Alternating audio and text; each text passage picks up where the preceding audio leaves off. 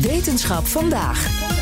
Morgen vindt in Utrecht het gala van een krachtig klimaat plaats.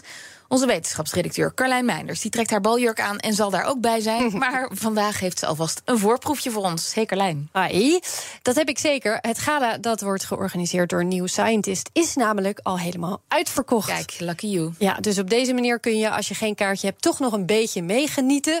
Er staan een heleboel interessante sprekers, gedragswetenschappers, klimaatwetenschappers.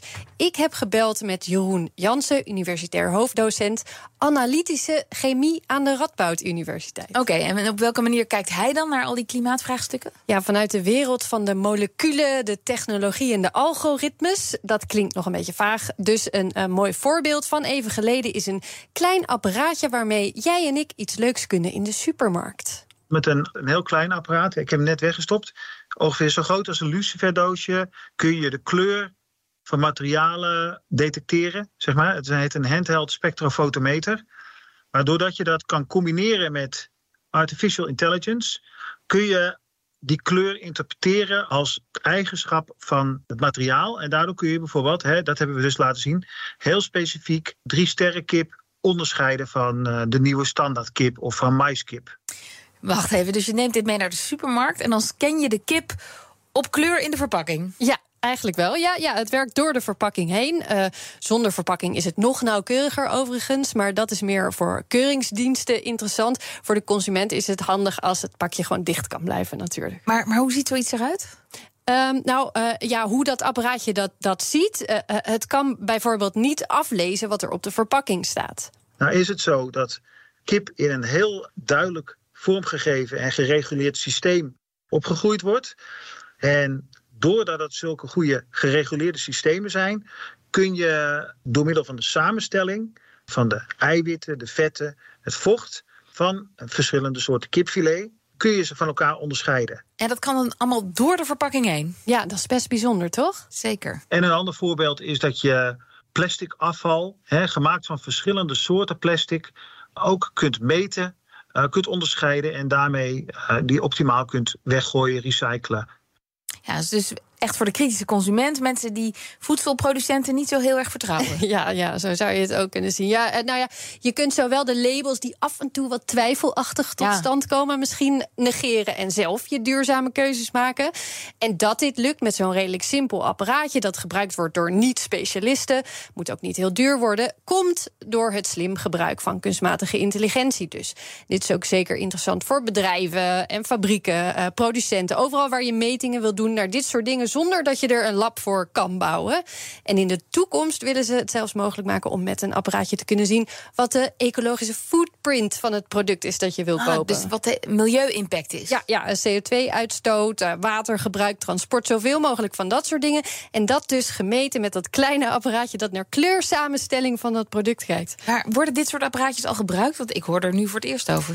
Daar wordt het wat lastig. Er zijn namelijk wat belemmeringen te overwinnen. Uh, iemand die daar weer alles over weet en die samen met Jansen zal presenteren morgen is Marije Klomp. Zij is programma-directeur duurzaamheid aan dezelfde Radboud Universiteit. Vorig jaar nog uitgeroepen tot duurzaamheidsmanager van het jaar. Mm. Uh, ze zegt ja, uh, dan kan het dus technisch gezien loop je zowel in organisaties als in individuen als in het gehele systeem tegen allemaal blokkades op die zorgen voor vertraging.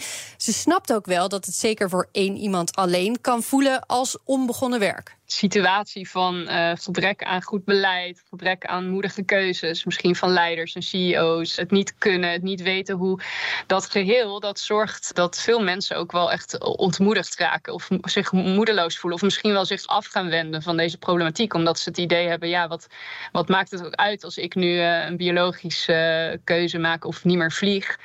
die wereld staat bijna in brand. Dat heeft het als negatief effect. Maar gelukkig heeft ze ook ideeën over hoe dat dan beter kan. Wat we hier als belangrijke rol zien, bijvoorbeeld voor kennisinstellingen, is dat mensen, als ze snappen hoe ze vanuit hun eigen vakgebied kunnen bijdragen aan duurzame ontwikkeling, dat dat weer een stuk empowerment kan geven. Een gevoel van hé, hey, ik kan wel iets bijdragen aan het grote geheel. Als bijvoorbeeld juristen, dus als je kijkt naar de rechtenstudie, als je daar gaat snappen wat de link is tussen wetgeving of het recht en bijvoorbeeld klimaatverandering. Uh, er is sprake van een grote juridificering, zoals ze dat noemen, van uh, duurzaamheidsvraagstukken.